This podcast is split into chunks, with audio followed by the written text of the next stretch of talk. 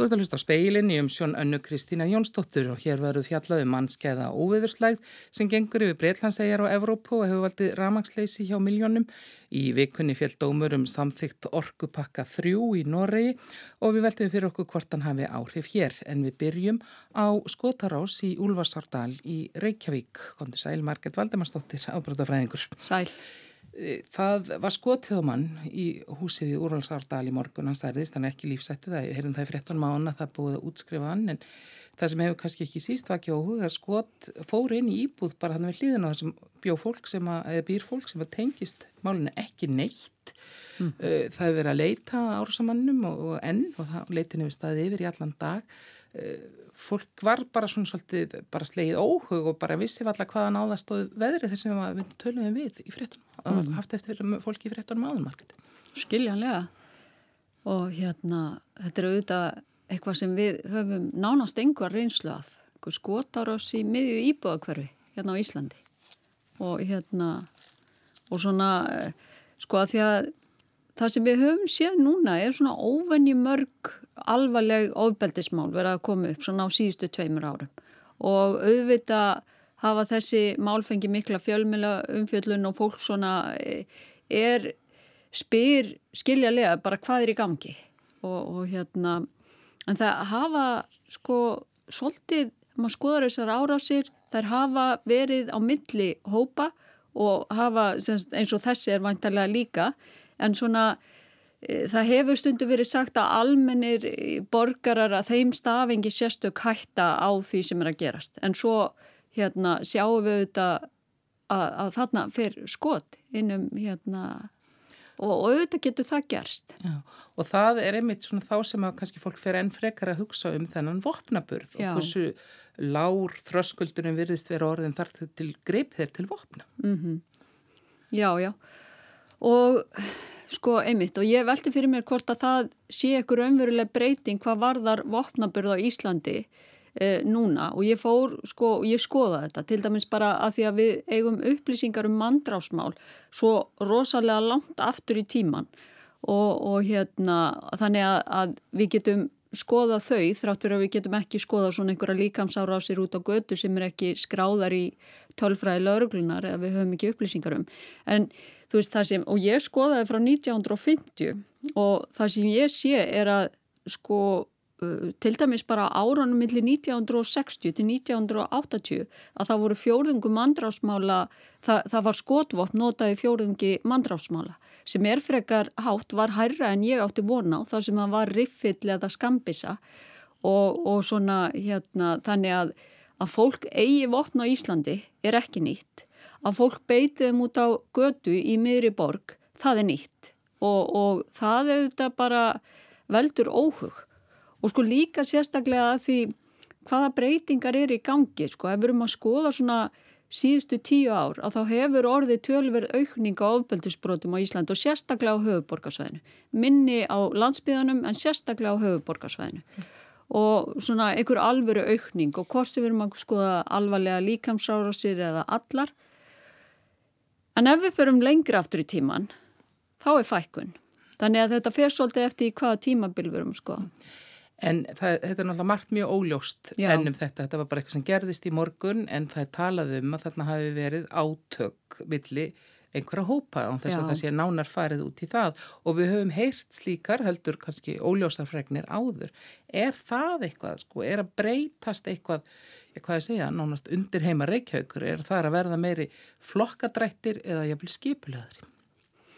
Já, sko, greiningadeilt ríkislauglustjóra hefur svona eh, gefið út skýslur þar sem að þeir benda á eða þau benda á að, að það sé orðin einhver svona alvöru breyting í skipulegri brotastar sem á Íslandi. Bæði er sko þetta orðið svona stafrætna en áður, þar að segja fíknefni til dæmis ef þetta tengist því að þá er það komið bara yfir á netið og svo líka orðið miklu meiri alþjóðleg tengst. Um, og það er það sama orð að gerast í löglegum viðskiptum, það sem er að gerast í þessum undirheimum. En svona hvort það sé meiri hópamyndun, sko ég veit ekki til þess að við getum sagt nákamlega, af því að það er ekki hérna mælingar, en svona ég held að, að eins og lauruglan svona upplifa minnstakosti að það sé þannig, að það sé svona einhver meiri átök og hópamyndum í þessum já, undirheimum eða svona meðal hópa sem eru til dæmis tengjast fíknefnarsölu, fíknefnamarkaðanum? Eh, það eru svona eins og við höfum talað vísum hér til áður, þá er þetta mál núna þó svo að það sé auðvitað mjög margt á huldu en þá um það mm -hmm. hvað gerðist og, og það hefur líka verið að, svo hefum við verið að tala um, um bankastræti, klöpp til dæmis árásina þar menn réðust inn svona einhver hópur og, mm -hmm. og jáfnveg við horfum lengra aftur líka þegar var maður myrtur í rauðagerði og það var allt svona talið einhvern veginn á svona frekar talið tengjast einhverjum uppgjörir sko. þannig að, og og þetta í morgun svona kannski áreittar fyrir mann eins og varst að segja hérna upp af þó svo fólk tala um að almennum borgarum stafi ekki hætt af því þá er það náttúrulega þegar að vopnabörðun þegar vopnin koma til þá verður hættan svo áþreifanlega. Já, já og einmitt rátt fyrir að, að þetta sé hérna einhverjir hópar sem eru í einhverjum ágreiningi að þá náttúrulega sko ef þetta er inn á skemmtistað, ef þetta er á gödum borgarinnar og, og svo hérna þá stafar almenningi hætt af þessum hópum. Og fyrir utan það að, að þá er svolítið hæpið að setja þetta upp sem fólk sem tengist einhverjum undirheimum annarsvegar og við öll hinn hinsvegar að því að e, allir þessir ungi menn sem er að taka þátt í þessu eiga fjölskyldur, eiga foreldra og sískinni og, og hérna þannig að þetta í raun að veru varðar okkur öll myndi ég segja og við þurfum að taka þessu alvarlega. Og hvað er þá hægt að gera? Já sko ég var einmitt að hugsa þetta að því að sko, við höfum reynsla á Íslandi að fara í stórt áttak þar sem að fókusin var á ungd fólk eftir langt tímabil þar sem að voru bara alvarleg vandamál hérna sérstaklega hvað var það eh, fíknefnaneyslu eh, svona hardra efna og ofbeldi sem fylgdi því að það var farið í mikið áttak þar sem að, að það var svona samstarf og milli ólíkra aðla, skóla, kervisins, lauruglu, foreldra, sveitafélaga og það bar árangur og, og, og, hérna, og ég held að það sé þess virði að taka það upp aftur og þetta bar það mikinn árangur að það hefur verið talað um þetta sem íslenska mótilið í svona erlandum fræðiritum. En sko svo hugsa ég líka að því að jú þetta auðvitað held ég að fókusin eigi að vera á ungd fólk. En ég held líka að við eigum að horfast í auðu við það að þetta er ekki ungd fólk, heldur er þetta ungir kallmenn. Og við þurfum svolítið sko að því að við sjáum það ekki bara á Íslandi heldur bara allstaðir í heiminum að þetta eru ungir kallmenn sem eiga það sameigilegt að flosna upp úr skóla e, og, og hérna finna sig ekki, eru hérna eiga við kannski áfengis eða fíkna vandastriða og, og það er líka algengt að þeir hafa orði fyrir ílri meðferði í æsku fókusin á að vera á þennan hóp en svo þurfum við líka að auka sínileika lörglu af því að það líka hefur mingat Já Þannig að það, það, þarf að reyna að berjast gegn þessu sem hefur kallað að tala um sem svona jáðarsetningu að fólk menn finnir sig ekki í samfélaginu en líka kannski bara þess að bæta í af hálfu lögurklunar. Ég held það.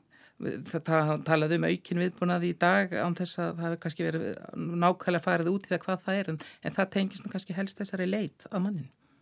Já, ég myndi mér að það tengist henni sérstaklega en svona almennt þarf bara held ég að það þurfu aðeins að bæta í hvað varðar sínileika lauruglunar að því að sko fjöldi lauruglumann á Íslandi hefur alls ekki haldið í við þróun við íbúafjölda uh, hérna, þannig að það er reyndar verið Dómsmálaræðinu til vil nú vel meina þessi hægt að tólka það svolítið til og frá sko. Já en sko það er, það er hérna sko þegar við skoðum fjöldaferðamanna við skoðum breytingar á íbúafjölda þá hérna ef við skoðum til dæmis bara til allra síðustu ára að þá segja tölunar að það hef ekki haldið í við það. En það hefur verið að breyta því. Þakkaði fyrir Marget Valdimarsdóttir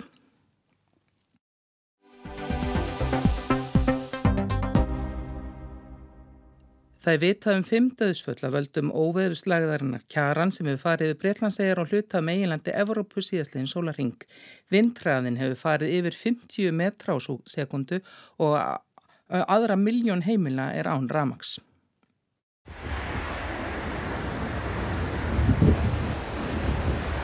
Mikið gekk á þegar sjónvarpsmenn voru á ferði í hávaða róki við ströndu Plymouth í söður hluta Englands í morgun.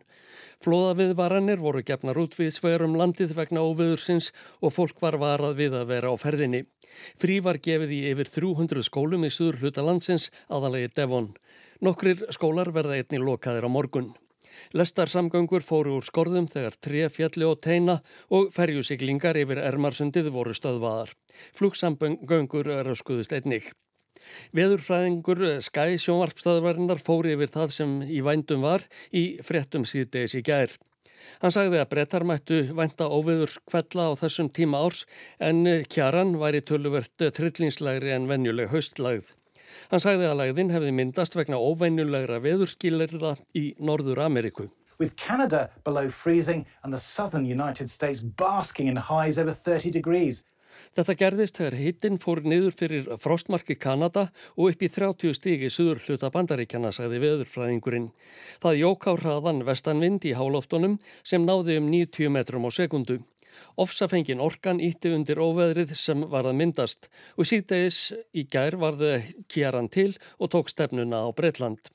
Loftþrýstingurinn í miðju veðurkerfisins lækkaði hratt og skapaði það sem kallaði sprengidifkun.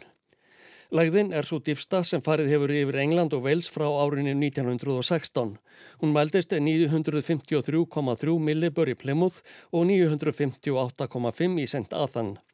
Fyrra metið á Englandi var 959,7 millibur.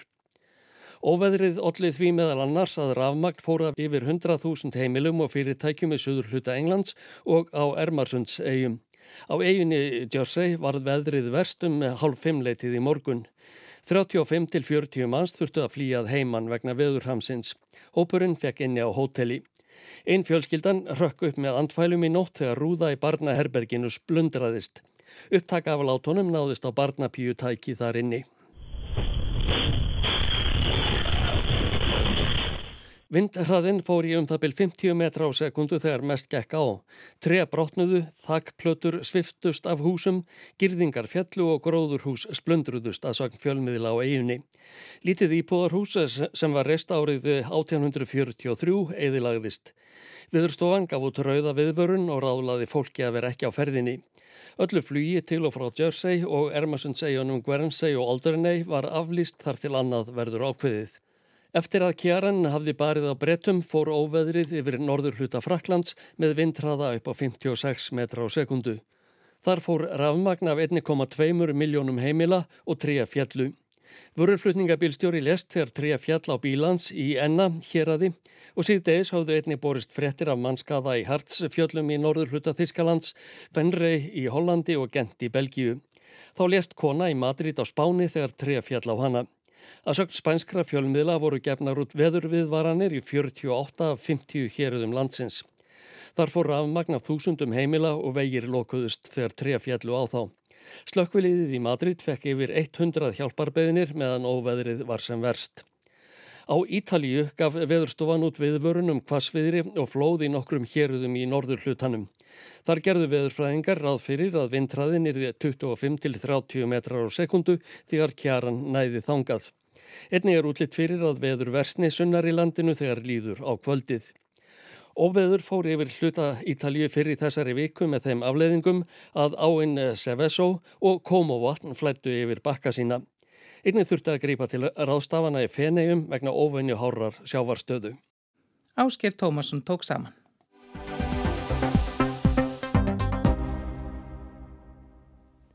Hæstiréttur Noregs komst í vikunni að þeirri niðurstöðu að innleiðing þriðja orkupakkan svo kallaða í lög þarilandi hefði vissulega haft í förmið sér tilfærslu á valdi en að tilfærslan hefði verið takmörguð. Hvað þýðir dómurinn fyrir norðmenn og hvaða merkingu hefur hann hér á landi? Björn Malmqvist, fréttamaður Ríksútarsins í Brussel, bar þessar spurningar upp við Átnapál Átnason var að fórsetta eftirlitstofnunar eftir. Átni, tölum aðeins um það á eftir hvaða þýðingu þetta hefur fyrir Ísland og innleðingu þessara laga þar en, en byrjum á dómunum í Nóri. Hæstir réttur nokkurnu veginn hveður upp úr með það að þetta var ekki skerðing á, á fullveldi? Já, mér, þessi dómur er bísnað aðdráttalauðs. Hann er náttúrulega fjölskypaður og hann er einróma.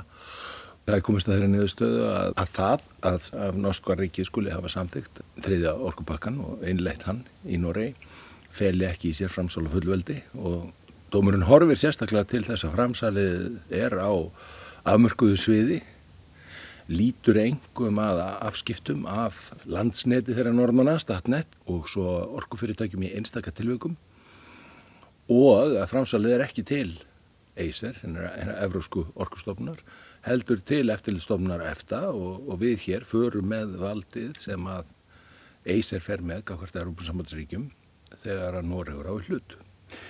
Svona djúbstæðari merking alls þessa máls, þeir sem að stemdu og svona var að tala um þessi svona yfirráð yfir auðlindum, svona möguleika annara til að hafa afskipti af, af innri málefnum Noregs, þetta er svona djúbstæð og svona grundvalla mál. Já, já, og í sjálfu sér er dómurinn, hann fjallar bara efnislega um hvað fælst í þriði orkubakkanum og ekkert að þessu sem þú nefnir fælst í hon. Hann hins vegar félur í sér ákveðna reglur um tengingu landa sem eru tengd innbyrðis á sama einlugum ræðorkumarkaði og það var alveg skýrt af hálfu bæði Europasambandsins og íslenska stjórnvalda áður en að þriði orkubakki var samþektur að slíkt myndi aldrei eiga við í tilviki Íslands. Ekki nema ef að Íslandingar kísu að leggja sæstreng. Norðmenn hafa lagt sæstrengi og eru með sæstrengi við, og tengingar til fjöldrar ríkja þannig að eðli mál sem sangkvæmt að höfta við um norðmenn og þetta er mikið kapsmál fyrir norska norkuðina. En ekki um okkur? Það eru ákveð, sko, þriði orkubakkin gildir um Ísland nema það að þeir leiðir af því að Ísland er ekki tengt hinnu euróska orkusvæði. Mm -hmm. Þannig að orkumál falla undir eða-samningin e og það eru ákvæði um orkumál. Það eru alls konar ákvæði um til dæmis um aðskilna dreifi fyrirtækja og frálislu fyrirtækja sem gildi um Ísland og það eru alls konar ákvæði sem má finna í, í erubulöku sem eiga við um Ísland en það er engin skilda til þess að leggja sæstreng og það er engin ásælni í orkuöðlindir sem eru auðvitað einhvers eh, ríkis og aldra ríkjana hvernig þau fara með. Í þessu samingi þá er núna verið að tala um ef að segja fjórða orkupakkan, þar að segja lögjöfu erbúrsambansin sem að gengur út á hvernig það farið með sko reyna orku og þróunina í þá átt. Það eru lög sem að eru um orkumál og eiga þar við, þá verður þau EES tæk eins og það heitir þannig að, þannig að þau verða leitinn í Noregi á Ísland og Líktinstæðin með þann pakka svona, með tilliti til dómsins sem að fjalli morgun? Það sem líkur fyrir er að þessi Clean Energy Package, reyn orkupakkin, hann, hann er uh, á, á bygglista með upptöku í samningin. Hann á að greiða fyrir orkuskiptum. Ég hef ekki séð að það sé neina ákveði þar sem að breyti þeirri neðustöðu sem að hæstirðu Norris voru að koma að stað í dag og, ásatt segja frekar erfnað að sjá það. Þannig að um, það er algjörlega ótengt mál og er ætlað að greiða fyrir, eins og ég segi, orkurskiptum sem er mikið hagsmunna mál held ég bæði fyrir Noreg og Ísland. Sko þú nefndur það áðan einmitt uh, sem blasir við að, að sko það er ekki þessi tenging millir Íslands og annara ríkja í Európu eins og er á millir Noregs og, og til dæmis Breitlands og, og annara ríkja hvað var þar orku og ég spyrt þær svona sko þessi dómur í Noregi um þessi lög, ég menna hefur hann einhverja merkingu fyrir okkur?